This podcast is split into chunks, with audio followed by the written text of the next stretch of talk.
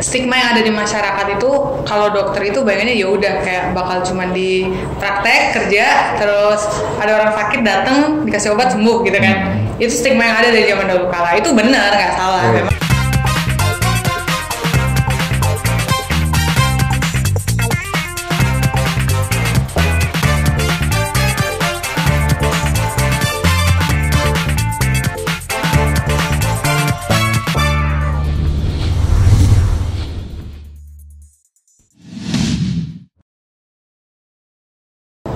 Halo hai friends, balik lagi sama saya Din Zakai Dayat. Kali ini kita di part 3 Kamus Kampus episode kedokteran. Di part 3 ini kita bakal ngebahas hal yang sangat penting yaitu biasa part 3 prospek kerja.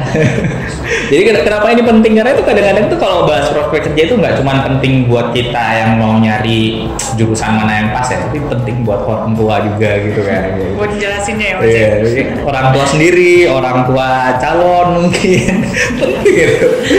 Jadi itu Gi- gimana gimana gimana? Kalau misalnya di kedokteran ya, nah, prospek setelah lulusnya dari kedokteran itu kayak gimana sih?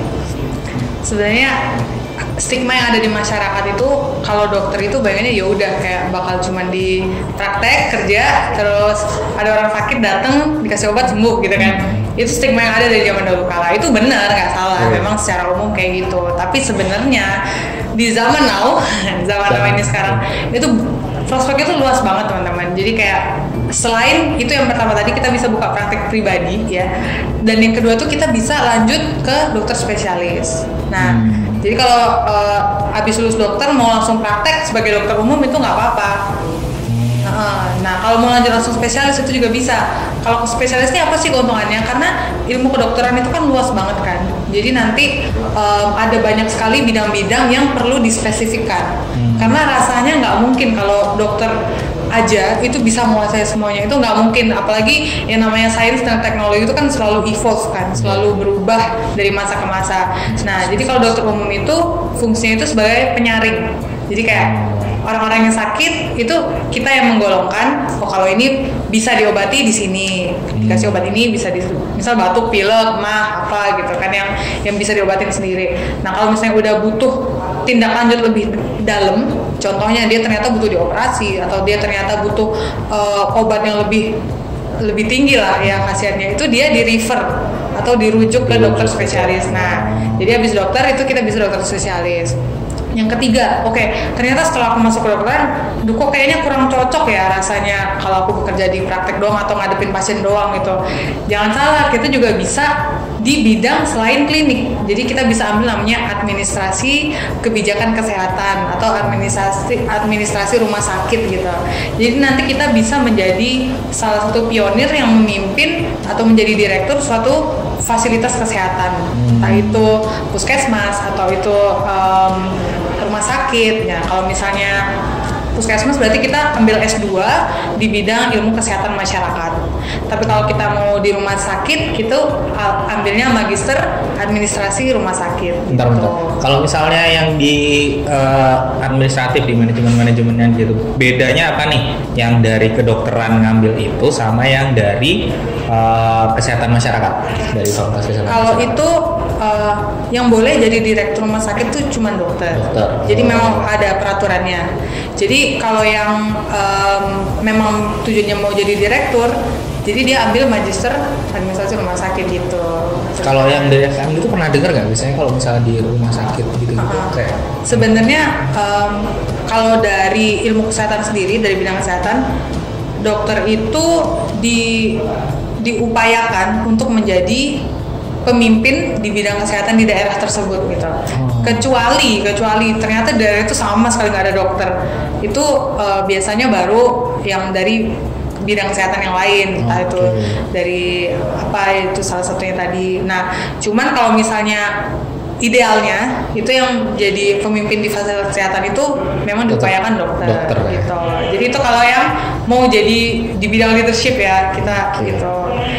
Eh, prospek lain Ada. itu kita bisa juga jadi TNI tahu nggak teman-teman Oke.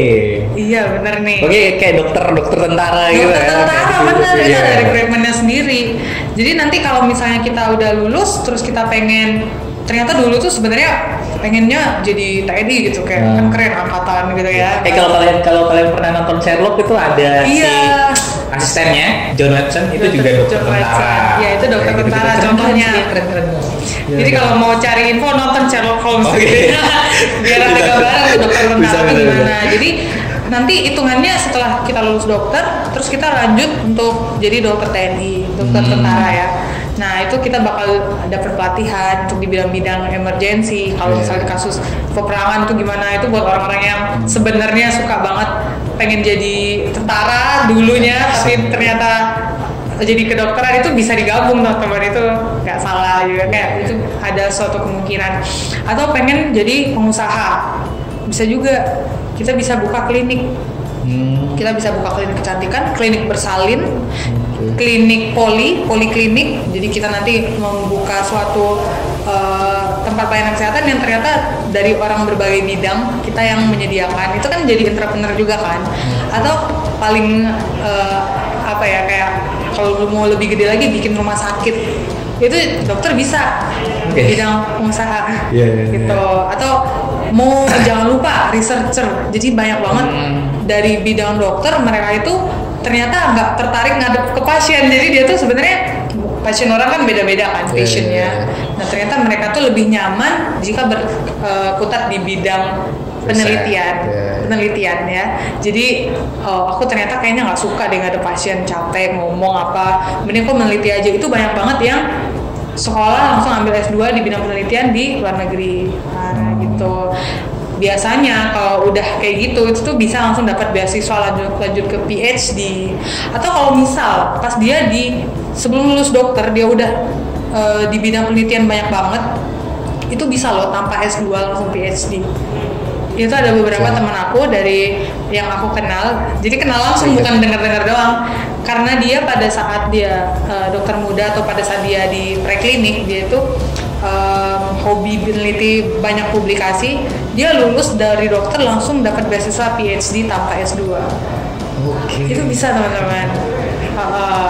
Jadi, jadi sebenarnya banyak ya kalau misalnya kalian mau masuk ke kedokteran, nggak cuman nggak cuman jadi dokter yang ada di rumah sakit aja bisa jadi yang di lapangan tuh jadi Iya, tentara gitu. atau misalnya kalian mau bikin usaha sendiri, bikin klinik kayak gitu, gitu. banyak lah pilihannya. Jadi kayak emang dari dulu tuh emang ini sih profesi idaman gitu. Kalau kata Susan nih kalian nggak tahu Susan nih, coba kalian cari tahu Susan siapa nggak deh. itu kayak banyak lah cita-cita yang jadi dokter itu kayak emang dari dulu tuh eh, apa ya kayak idaman banyak Minatnya orang. banyak. Nah, Dan kalau misalnya nih teman-teman pas SMA suka fisika gitu ya, atau suka yang sesuatu yang em, agak berbau teknik tapi pengennya di kedokteran gitu. Jadi di ada namanya rehab medik, rehab spesialis rehabilitasi medik. Jadi untuk orang-orang yang em, misal dia perlu diamputasi kakinya, Oh iya. iya. kita bikin sepatu khusus kan. Itu dokter yang bikin. Jadi maksudnya dokter yang mendesain. Jadi kita tuh ada hitung-hitungannya. Jadi sudut kaki itu begini. Terus kalau orang jalan tuh supaya nyaman supaya ergonomis tuh hitungannya begini gitu. Atau yang tulang patah nih itu berarti bidangnya ortopedi namanya orto orto tuh tulang-tulang menulang gitu jadi bikin sambung menyambung tulang itu kan bener-bener kayak pekerjaan yang ya berbau fisika juga sebenarnya kalau berbau ada tekniknya Teknik, teknik. gitu. Iya, soalnya ini intermezzo aja nih. Sebenarnya eh, iya sih banyak sih kayak kalau di kedokteran itu kalian harus yang apa ya?